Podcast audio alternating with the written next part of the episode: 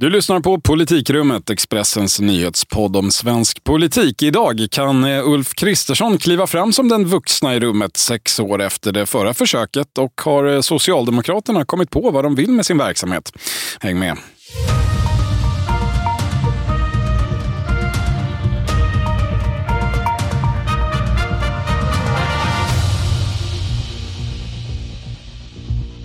Det är onsdag den 31 maj och politikrummet sammanträder igen efter ett uppehåll på 15 hela dagar.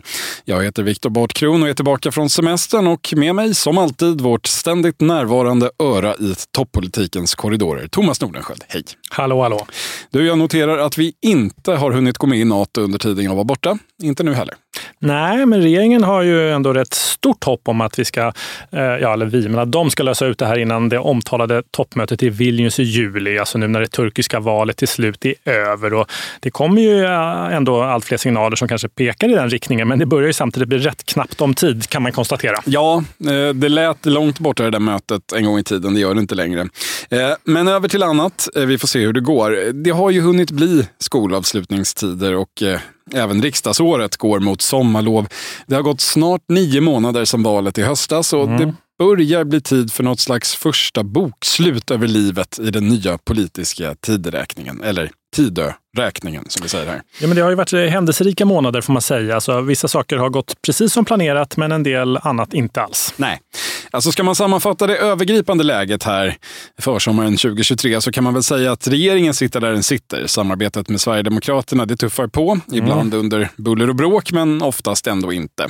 I opinionen går det däremot betydligt trögare eh, för den styrande sidan. Oppositionen har ett rejält övertag och har egentligen haft det sedan i höstas mest mm. beroende på att Socialdemokraterna går eh, rejält starkt med siffror mellan 35 och 40 procent. Jo, men så är det ju. Och man kan också konstatera att eh, de mindre partierna blir allt fler och, och, allt, och allt mindre. Alltså ja. På regeringssidan är både Kristdemokraterna och Liberalerna nere på 3 procent titt som tätt tycker jag. Ja, så långt de öppna källorna om läget. Jag tänkte att vi också skulle prata lite idag om hur huvudaktörerna i sammanhanget, alltså regeringen och oppositionen, hur de ser på läget och på framtiden eh, de kommande sista tre åren i mm. mandatperioden. Om vi börjar på högersidan som ju ändå regerar. Va, vad hör du från regeringen Kristersson? Hur ser de på situationen? Jag skulle säga att Moderaterna ändå ser rätt ljust på läget, alltså trots opinionsläget och liksom ändå en rätt tuff start får man ju säga då. Och, eh, alltså, man påminner gärna också om opinionsraset för Alliansen där i början av deras första mandatperiod där efter 2006 och, och hoppas ju att vi nu står inför mer av ett 2010-scenario snarare än då ett 1994-scenario. Eh, ja, de där eh, årtalen återkommer som referenspunkter. 94, det var alltså när Carl Bildts borgerliga regering blev eh, bortsopad efter tre ynka och mycket krispräglade år. Mm, Nästa borgerliga regering tillträdde då inte förrän 2006 och i valet 2010 så såg det ju länge ut att bli en repris av 94. Så Mona Sahlin gick ju ännu bättre i oppositionen opinionen, eller i opinionen ska jag säga, än vad eh, Magdalena Andersson gör nu. Hon var uppe på, vad var det, en bra bit över 40. Ja, 45 tror jag vid några tillfällen. Yes, Men Sen kom då Fredrik Reinfeldts allians tillbaka starkt. Egentligen sista året, sista halvåret. Ju tydligare som det rödgröna alternativet presenterades, desto fler tycktes fly tillbaka till de borgerliga. Och Reinfeldt satt kvar. Ja, alltså Bildtregeringen är faktiskt den enda i Sverige sedan 1920-talet, om jag inte eh, tänker fel nu, som inte blivit omvald. Ja, alltså jag förstår ju att eh, den där eh, statistiken kan vara populär i vissa kretsar, men frågan är väl hur relevant den, den är numera. Alltså jag tänker på Stefan Löfvens regeringar. De blev ju, om man ska vara krass, så blev de ju varken valda eller omvalda, utan de, eh, de bara tillträdde efter eh, diverse turer efter val. Ja, turer som de för var ganska duktiga på. Och absolut, de, de vann onekligen, men bara inte just själva valet. Nej, sen så är skulle nog en socialdemokrat säga att eh, ja, de skulle nog betrakta det att vinna så länge de får ha makten. Oh ja, absolut. Men något som är intressant tycker jag är hur, liksom, hur Moderaterna tänker sig att man ska vända det här nu och, och eh, som ändå än så länge inte gått så, så där värst lysande då och vinna valet 2026. Och, alltså, och lite förenklat när man pratar runt kan man säga att det, det, liksom, det handlar om, om två saker, då, två delar. Mm. Och det ena är uh, Ulf Kristerssons person. Alltså, strategerna i regeringskansliet pratar nu återigen om, om den vuxna i rummet. Alltså, man återlanserar nu vuxna i rummet-strategin enligt vad jag hör. Ja, det är ju en gammal klassiker då, eh, eller i alla fall modern klassiker. Begreppet vuxna i rummet det lanserades alltså, eh, tror jag, nästan säkert i Ulf Kristerssons installationstal som partiledare i Moderaterna. Det var i oktober 2017. Mm, så var det tror jag. Ja, och mm. löftet om att Moderaterna skulle vara den här vuxna i rummet eh, i den käbbliga svenska politiken. Eh, det fick också ett väldigt entusiastiskt mottagande, i alla fall bland borgerliga ledarskribenter. Väljarkåren var väl kanske inte riktigt lika översvallande. Alltså problemet är väl att man aldrig riktigt verkställde den under oppositionsåren, alltså, vilket Moderaterna nu själva säger. Alltså, eh, man, såg ju möjligen spår eh, av det här liksom vuxna, i rummet, vuxna i rummet-tänket när man argumenterade för att släppa in Sverigedemokraterna i samarbetet. Alltså det, mm. det här med att man ska kunna prata med alla och inte stänga ute någon bara för att man tycker att den är jobbig eh, var ju lite liksom, vuxna i rummet-aktigt. Alltså, men, men, men det man från liksom moderat håll annars säger är att liksom vuxna i rummet-strategin liksom, ja, den var svårförenlig med oppositionsrollen då man liksom måste söka konflikt. Det ligger liksom med oppositionsrollens natur där. Och även att man liksom drogs med medger man ju liksom i, en, i en tidsanda som präglas av högt tonläge. Ja, det är alltid lätt att skylla på tidsandan. I klartext så var man väl också livrädda för att Sverigedemokraterna skulle framstå som den mest trovärdiga oppositionen. Jo. Alltså moderata politiker är ju eh, fortfarande svårt eh, posttraumatiskt stressade efter decemberöverenskommelsen mm. från 2014. Eh, även om allt färre väljare idag kommer ihåg eller ens bryr sig om vad den handlade om. Ja, då, men, men, nu i alla fall, alltså när, när, när Ulf Kristersson är, är, statsminister och majoritetsledare så då kan han blomma ut som den vuxna igen, tänker man då. Och det sägs att han både själv vill det här och, och, och de runt omkring honom menar att det liksom passar Kristersson eh, bättre. Ja, och jag säger verkligen inte emot det. Jag tror att det passar honom bättre än den, den tidigare rollen som eh, klagokör i opposition. Men man kan ju samtidigt i sammanhanget notera att även Magdalena Andersson försökte vara eh, den väldigt vuxna i rummet när hon var statsminister under den eh, korta tiden här innan valet. Alltså hon ställde sig över konflikter på ett nästan komiskt sätt. Hon mm. gjorde det dessutom med skyhögt bättre förtroendesiffror än vad Ulf Kristersson kan uppvisa. Men det räckte ändå inte. Nej, men det, men det strategerna runt Kristersson nu tänker sig i alla fall är att, man, eller, att han nu ska liksom vara den resonerande politiker han vill vara. Alltså han ska inte söka konflikter i onödan, utan och man ska liksom också komma bort från det här, säger man, med att liksom ständigt att man skyller allt på den andra, skyller nu är allt, liksom att allt är den förra regeringens fel. För det är folk trötta på, säger man då. Eh, och man ska även från regeringen, i alla fall den moderata delen av den, eh, liksom tala öppet om de här målkonflikterna som finns i, i reformerna man, man, man driver igenom. Ja, typ integritetsskydd kontra brottsbekämpning. Ja, men det där som Gunnar Strömmer ofta återkommer till. Skulle jag, säga. Ja. Mm. jag säger inte emot det heller. Det, det låter ju klokt, men alltså, Ulf Kristerssons största kommunikativa bekymmer just nu, det tror jag ändå är, det, det är att höras överhuvudtaget och inte bara drunkna i dånet då mellan oppositionen å ena sidan och hans eget jättestora stödparti å andra sidan. Mm. Och det är klart, på pappret så kan ju det där vara ett perfekt läge att just träda fram som en vuxen i rummet när Socialdemokraterna och de rödgröna å ena sidan och Sverigedemokraterna och den andra står och skäller på varandra. Men mm. risken är ju också att den vuxna i rummet blir en rätt irrelevant figur, särskilt om han är vårdnadshavare åt ett av barnen. Ja, alltså, och man, man kan ju även se ett, liksom ett ganska färskt exempel nu som visar på att den här, liksom, den här vuxna i rummet-strategin i alla fall än så länge inte efterföljs av den egna regeringen, i alla fall inte till fullo. Alltså. Och det handlar ju om det här lotteriförslaget mm. eh, då, eh, som, ja, med siktet inställt på Socialdemokraternas lotteri som man då vill förbjuda. Alltså, där bidrog ju Sverigedemokraterna till att sätta bilden av att man, man skulle göra sossarnas första majtåg fattigare, eller vad man nu sa. Eh, det var Tobias Andersson som var ute och mm. Uttryckte det så. Eh, mindre lyckat tror jag en del regeringstjänstemän tyckte. Men, men i alla fall, och, och, man skulle säga att även från regeringskansliet fanns det ju en väldigt stor belåtenhet av att liksom klämma åt Socialdemokraterna på ett sätt som nog en del skulle hävda kanske inte riktigt var fullt vuxet. Jag vet inte. Nej, det, det fick inte den konsekvensen i alla fall. Den, den konsekvens det däremot fick var ju att tonläget eh, höjdes väldigt mycket. Eh, det var ju det här lotteriförslaget som, som du för övrigt avslöjade Thomas, som blev den tändande gnistan för den senaste vändan i debatten om demokratins undergång och Sveriges framtid som totalitär stat och så vidare. Ja, så jag tycker man undrar lite faktiskt om, om man från moderat håll så här i efterhand, när man eh, liksom redan kastat in den här brandfacklan, tycker att det var värt det. Alltså, eh, här har man ju liksom, eh, eh fått eh, också en del borgerliga opinionsbildare och ledarsidor som egentligen är liksom väldigt kritiska mot det här S-lotteriet, att, att, att ändå gå emot regeringens planer och liksom tycka att det är liksom fel att, att gå på oppositionen på det sättet. Men det jag hör är att frågan frågan nu ändå trots allt ska utredas och, och det blir nog svårt att backa tror jag från regeringen. Men man kommer eventuellt, tycker jag, man ändå ser vissa tecken på eller hör vissa, mm. får vissa signaler att man eventuellt försöker komma bredda frågan, i alla fall hur man paketerar det till att liksom bli en del av en större översyn av partifinansieringen. Vi får se. Ja, vi får väl det. Men om målet för den vuxna i rummet är att söka det som förenar och inte det som skiljer, som Ulf Kristersson brukar säga, ja, då var väl det där med lotterierna lite som en snedfylla mitt under föräldramötet. Men okej, okay. vi har alltså vuxna i rummet-strategin från regeringens håll. Har vi något mer? Eller är det det, eh, det som ska lösa biffen? Ja, nej, men alltså det, det, and, nej, men det andra eh, som strategerna eh, som man pratar om och som jag snappar upp eh, och då som man hoppas ska kunna lägga grunden för en valseger 2026 är ju sakpolitiken och liksom regeringens egen reformagenda. Alltså, mm. Man pratar mycket i regeringskansliet eh, om att man liksom tydligen slagit någon form av eh, rekord i antalet utredningar som tillsatts. Alltså det, det är alltså en bra sak tycker man. Mm. Alltså hittills eh, har man, vad jag får höra, ett klartecken till ja, 160 till 180 utredningar och av dem ska, 100, ska 50 redan vara tillsatta. Och, ja, då räknar man in tilläggsdirektiv, men ändå, många ja. är det. Verkligen, och tanken med de här utredningarna det är alltså att de ska resultera i, i lagförslag, i, i reformer, propositioner. De har inget egenvärde som utredningar, även om det ibland låter så kanske på just tjänstemännen i regeringskansliet. Ja, redan eh, imorgon eh, torsdag så ska eh, flera utredningar tillkännages vad jag får höra. Men, mm. men, men, eh, Spännande för nästan ja, alla.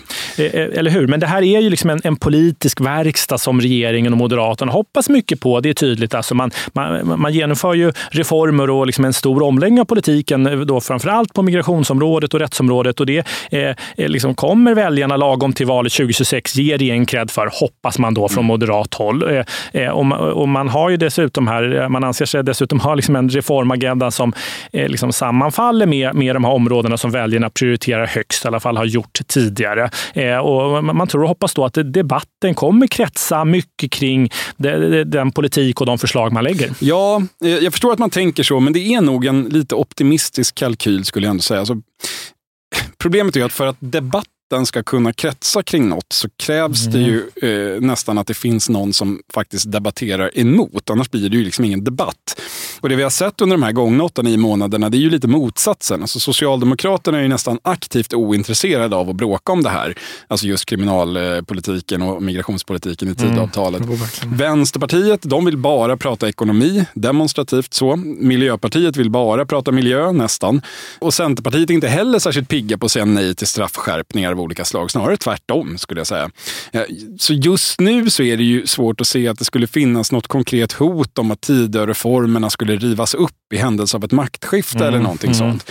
Och det är förstås inget skäl för att inte genomföra reformer som man ser nödvändiga och som dessutom ofta är populära. Men eh, det skulle ju ändå ta udden av det här reformpaketet som en valfråga nästa gång, tänker jag. Ja, och, och här kan man ju se en svaghet i, i liksom de moderata förhoppningarna. För, för precis som du säger så finns det ju redan en hel del som talar för att fokus inte hamnar där regeringen vill, eh, som då, en följd av Socialdemokraternas ovilja att ta den här konflikten. Och man kan ju tycka det är tråkigt, men, men, det, men, men finns det ingen tydlig konflikt så tenderar fokus att hamna på annat. Och, och sen valet har ju mycket istället handlat om inflationen och hushållens enormt pressade situation. Och det kan ju såklart, skulle kunna vara en fördel för Moderaterna, men kanske inte om det uppfattas som att alla fått det sämre. Nej, det är fortfarande mer än tre år till nästa val och som vi brukar säga, väldigt mycket kan hända och väldigt mycket kommer också att hända.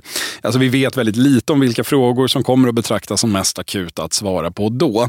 Det var liksom ingen socialdemokratisk strateg som satt i maj 2019 eh, och tänkte att i nästa val då ska vi minsann vara den mest trovärdiga rösten för den som vill gå med i Nato riktigt, riktigt snabbt. Nej, det var nog inte det. Nej. nej, men eh, så mycket kan vi nog säga att regeringen Kristersson lär nog behöva ett lite mer framåtsyftande budskap 2026 än att gå till val på en fyra år gammal och dessutom genomförd då förhoppningsvis ur deras perspektiv, reformkatalog. Jo, men så kan det nog vara. Man kanske satsar allt på den då omåttligt populära Ulf Kristersson som står och håller med Magdalena Andersson om allt hon säger i debatterna. Vem vet? Ja, det vore spännande.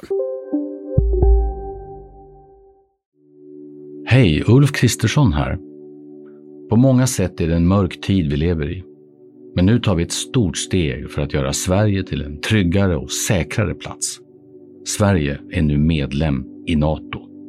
En för alla, alla för en. Vi är specialister på det vi gör, precis som du. Därför försäkrar vi på Swedea bara småföretag, som ditt. För oss är små företag alltid större än stora och vår företagsförsäkring anpassar sig helt efter firmans förutsättningar. Gå in på swedea.se företag och jämför själv.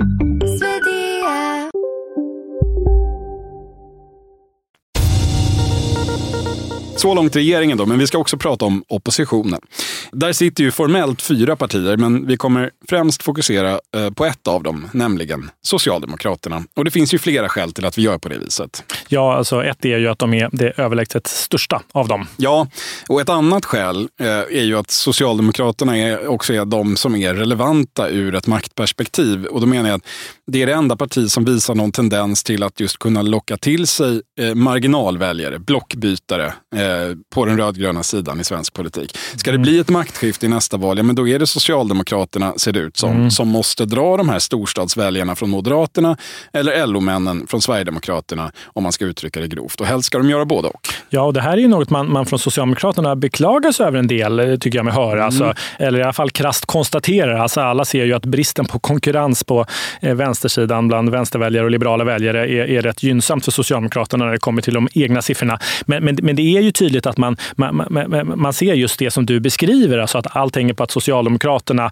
eller, ja, och man får inte den här draghjälpen. Då. Och det, det är det också rätt ovanligt om man jämför med andra länder där liksom de traditionella arbetarpartierna ofta får lite draghjälp från, från antingen något mer socialliberalt eh, grönt parti eh, som lockar storstadsväljare eller kanske något mer landsbygdspopulistiskt parti som kan locka eh, i glesbygd. Ja, men inte här och i alla fall inte just nu. Alltså Miljöpartiet är ju det gemensamma röda eller rödgröna skynket för alla Tidöpartier och väldigt många av deras väljare. Vänsterpartiet de hade sin omtalade idé om att utmana om de missnöjda männen i bruksorter, som det hette. Men den mm. slutade ju med att Vänsterpartiet backade i alla bruksorter medan Sverigedemokraterna tokökade i de flesta. Ja, och Centerpartiet eh, försöker i alla fall nu kritisera regeringen från liksom ett borgerligt håll eh, om man ser till den ekonomiska politiken. Ja, det gör de ju i och för sig. Alltså de, de försöker. Deras huvudsakliga kritik mot regeringen under både Annie Lööf och nu Muharrem Demirok, den handlar ju om att regeringen har släppt den reformpolitik som Alliansen bedrev och istället höjer arbetsgivaravgiften för unga istället för att sänka arbetsgivaravgifterna och så vidare. Mm. Eh, men eh, det har i alla fall hittills varit lite svårt att få just den vinkeln att lyfta och det är klart att det blir en lite udda position när man samtidigt i praktiken står som en del av en opposition med tre partier som ju inte direkt lyfter den aspekten av kritiken. Nej, men det, det, det, är ju lite höljt i dunkel tycker jag vad, liksom, vad Muharrem Demirok ska eh, föra Centerpartiet. Det kommer lite motstridiga signaler. Olika, jag menar, det har varit de här, det här kring vinsterna som kanske snarare dragit och, och friskolorna där man skärper politiken snarare kanske drar åt vänster men då ekonomisk politik tydligt åt höger. Men liksom, eh, tydligt är att det liksom inte som helhet är helt lätt att förena med de övriga den övriga oppositionen. Nej, så är det ju. Men det är om detta. Läget den sista maj eh, 2023 är i alla fall att Socialdemokraterna eh, står extremt starkt i opinionen och deras partiledare står ännu starkare. Men i regeringskansliet så står man ändå inte. Och ingenting har ju egentligen hänt som i grunden förändrar spelplanen eller eh, det politiska landskapet mm. under de senaste nio månaderna. Eh, så hur ser man egentligen på det läget från socialdemokratisk horisont nu när man har lite distans till valet och efterspel? Ja, men så här får man ju såklart lite skilja på eh, partiets innersta maktkrets och, eh, och partiet och rörelsen i stort. Alltså, mm. Kretsen runt Magdalena Andersson tycker ju mycket går deras väg, eh, mycket tack vare att man tycker att regeringen är så dålig. Och, och de ser allmänt ganska ljus på framtiden skulle jag säga. Men om man liksom tar det lite vidare perspektivet och pratar runt lite i partiet, som jag har gjort den senaste tiden, så, så skulle jag säga att det, det, att det ändå är lite vilset. Alltså, mm. det, det, fanns en, en, en förhoppning eh, i, i, partiet eh, att Magdalena Andersson mer tydligt skulle kliva fram nu när man är, liksom är i opposition och inte längre behöver ta hänsyn till Centerpartiet och andra partier och, och, och verkligen förklara vad, vad hon vill med partiet. Men det anser man att hon inte riktigt gjort än. hon har varit väldigt tydlig med att regeringen borde ha stoppat den automatiska inflationsjusterade uppräkningen av brytpunkten för statlig skatt vid årsskiftet. Det har hon faktiskt varit.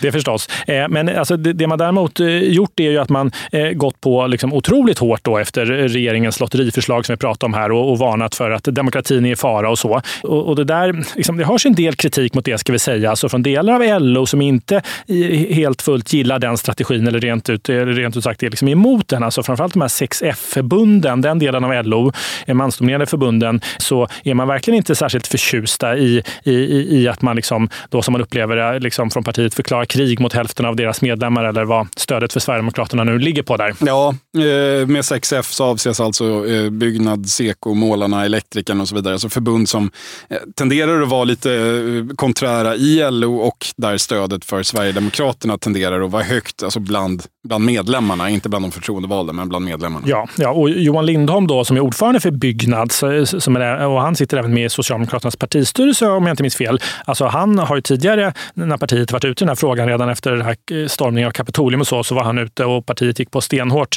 i de här frågorna. Så var han ute och varnade partiet eh, mm. för det man nu gör. Alltså, han, han och liksom de här förbunden tror inte att det fungerar. Eh, men, men jag skulle säga att de ändå är relativt ensamma om den här kritiken. Alltså min bild är att den här striden som Magdalena Andersson nu tar, om något förenar partiet, alltså oavsett om man står till vänster eller höger partiet, så tycker de flesta att det är rätt och man upplever sig någonstans vara under attack och, och man enas någonstans mot, då, mot hotet man utsätts för. Då. Ehm, alltså, och kritiken, skulle jag säga, kritiken och oron som ändå finns i partiet handlar snarare om det andra. Alltså eh, att liksom den glöd Magdalena Andersson visar upp när, när det gäller Sverigedemokraterna och, och demokratin, att den är i fara, inte finns på samma sätt när det kommer till, till, till, till sakpolitiken. Nej, eh, och det är ju här kan man säga som det blir ett uppenbart bekymmer för Socialdemokraterna att de är så ensamma om att kunna eh, ja, avgöra valet till den egna sidans fördel. Alltså att kunna dra in nya väljare. Det, det, är svårt att tilltala de nya som man har vunnit, alltså det vi kan kalla för värderingsväljare i storstäderna.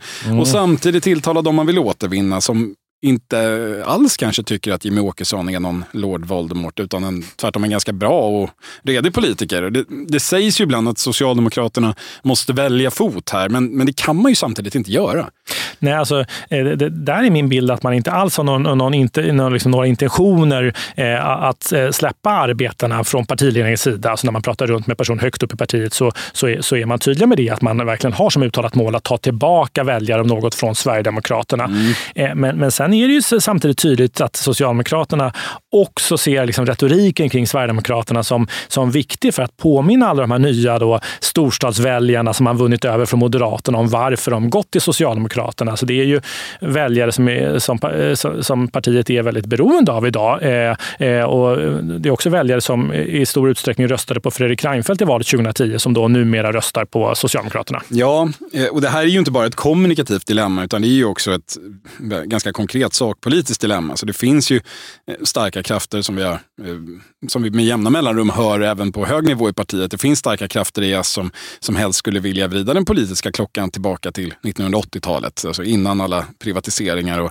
skattesänkningar och kabel-tv och andra djävulens påfund släpptes lösa över Sverige. Men samtidigt så har man då hundratusentals nya väljare som helst bara vill vrida klockan tillbaka till ungefär juli-augusti 2022 när man hade både rutavdrag och fodorabud men slapp Sverigedemokrater i regeringskansliet. Ja, och det, det, där är väl också en förklaring till att eh, man är så liksom defensiv. Alltså när eh, Mikael Damberg, den eh, tidigare finansministern, numera ekonomisk-politiska talespersonen, får, får frågor om eh, vad som händer med olika kongressbeslut eh, som finns då på höjda kapitalskatter och annat så, så börjar han liksom direkt tala om behovet av, eh, av breda skattereformer och, och sådär som eh, alla vet inte kommer att bli av. Nej. Det var ett Nej. tag sedan. Nej, och Mikael Damberg är, ska vi säga, ingen ensam galning här. Alltså när partiordförande Magdalena Andersson i valrörelsen fick frågan om eh, vad hon skulle göra eller vad ville göra om hon fick egen majoritet i valet. Då såg hon eh, lite stressad ut och började efter en stund mumla någonting om att se över 3.12-reglerna.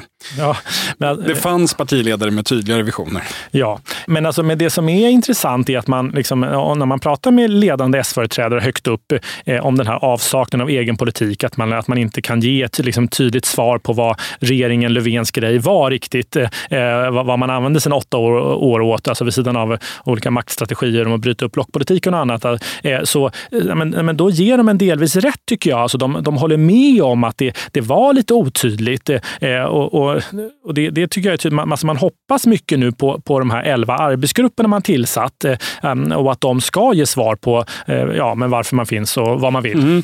Ja, det är höga förväntningar där. Det var i våras som Socialdemokraterna tillsatte ett gäng arbetsgrupper, elva stycken stycken som du sa, under eh, visst buller och bång. Och så uppdraget var rätt bombastiskt. Man ska ta fram en helt ny samhällsanalys, alltså nya problemformuleringar för politiken. Och man ska också ta fram policyförslag eh, som ska svara mot de frågor som då ställs. Alltså resultatet ska bli en politik som tar Sverige in i 2030-talet. Det är eh, lite krav på en grupp. Ja, men alltså, det, det, ska bli intressant med tanke på de där förväntningarna tycker jag att se vad det blir av de där grupperna som dessutom har rätt många intressant, intressanta namn i sig som är med och leder dem. Alltså, det beskrivs ju lite i Socialdemokraterna och som någon form av liksom, talangscouting men min bild är att eh, liksom, eh, partiet verkligen eh, liksom vill och hoppas att de här grupperna ska komma fram i ny politik. Sen om det är realistiskt eller inte, det återstår väl att se. Nej, man, alltså man ska naturligtvis ge de inblandade en ärlig chans. Man vet aldrig, men vi som har sett hundraden och åter hundraden av framförallt borgerliga arbetsgrupper blomstra och dö utan att lämna några vidare avtryck i historien har väl lite svårt att i alla fall inte vara lite skeptiska på förhand. Sådär.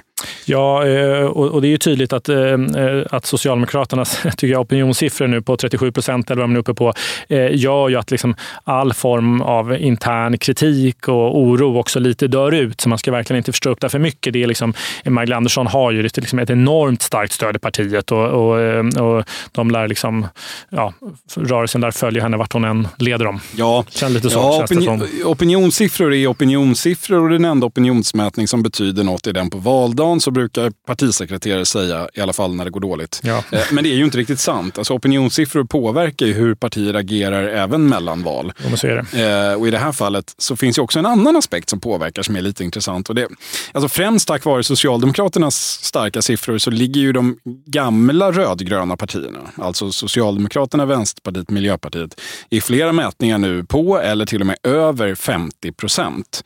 Och om det skulle hålla i sig när vi närmar oss ett val, men då kommer det att få betydelse. För under i alla fall tio år så har ju utgångspunkten för eh, liksom, hela diskussionen runt politiken varit att en socialdemokratisk regering behöver eh, innehålla eller samarbeta med eh, liberala partier, alltså partier på andra sidan den mm, gamla mm. blockgränsen. Och det har ju varit en ganska praktisk utgångspunkt för socialdemokrater, till exempel på partiledningsnivå, som, som vill hålla politiken eh, i mitten, som är kanske lite mer socialliberala mm. än vad de är realsocialistiska.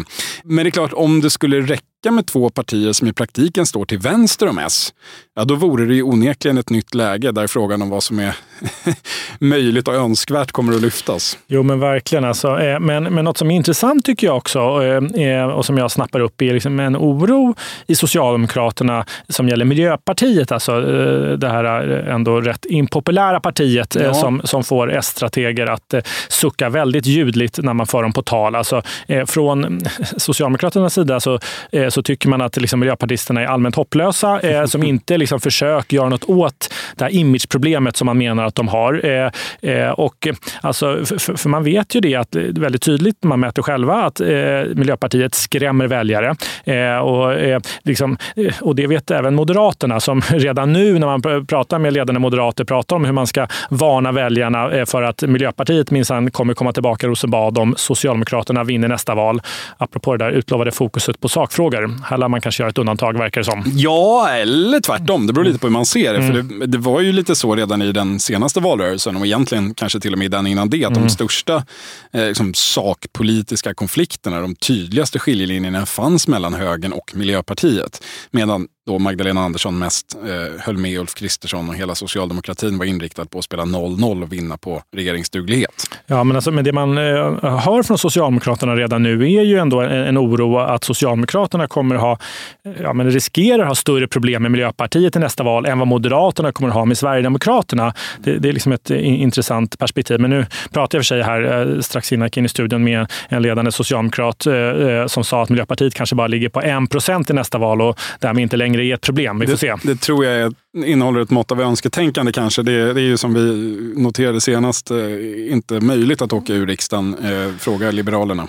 Nej, ja, men det, det, är liksom, och det är långt kvar till nästa val, men, men det man, man kan ändå liksom konstatera att det finns eh, viss potential här för att regeringsfrågan trots allt kommer spela viss roll även 2026. Alltså då, eh, liksom där då Sverigedemokraternas krav på att eh, liksom få sitta med i en ny högerregering eh, eh efter nästa val kommer ju ge ny näring till det, tror jag.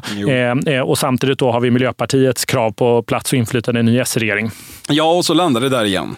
Att Moderaternas eh, största utmaning är att vinna tillbaka storstadsväljare och då är Sverigedemokraterna ett uppenbart eh, problem. Jo. Och Socialdemokraternas utmaning är att vinna tillbaka de där LO-männen. Eh, Mm. och då är Miljöpartiet ett minst lika uppenbart problem. Så var det i senaste valet. Om inget dramatiskt förändras så lär det bli något liknande i nästa val. Ja, sen är det klart att eh, Socialdemokraternas eventuella bekymmer med regeringsfrågan, som man ändå här kan se framför sig, framstår som eh, mindre om man ligger närmare 40 procent än 30. Men att Socialdemokraterna skulle ligga kvar på de här nivåerna man är på nu i, i tre år till är ju verkligen inte säkert. Nej, en centerpartist ska vi säga skulle nog eh, gärna inflika att det finns en uppenbar lösning på den där eh, snåriga problematiken som jag just redogjorde för. Alltså om man istället bildar regering i den så kallade breda mitten så kan man ju slippa både sverigedemokrater och miljöpartister om man verkligen vill. Ja, men det verkar inte riktigt aktuellt nu heller va? Nej, men skam den som ger sig och det verkar inte vara Muharrem Demirok. Framtiden är, som vi brukar säga, lång och allt kan hända. Ja, nästan i alla fall. Ja, en sak som vi verkligen kan säga om framtiden är att politikrummet är tillbaka i nästa vecka.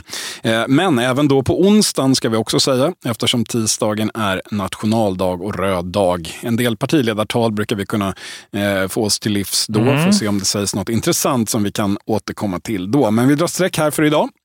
Tack för det här sammanträdet, Thomas Nordenskjöld. Tack, tack. Och tack till er som har lyssnat ända hit. Hörs på onsdag i nästa vecka alltså. Hej så länge.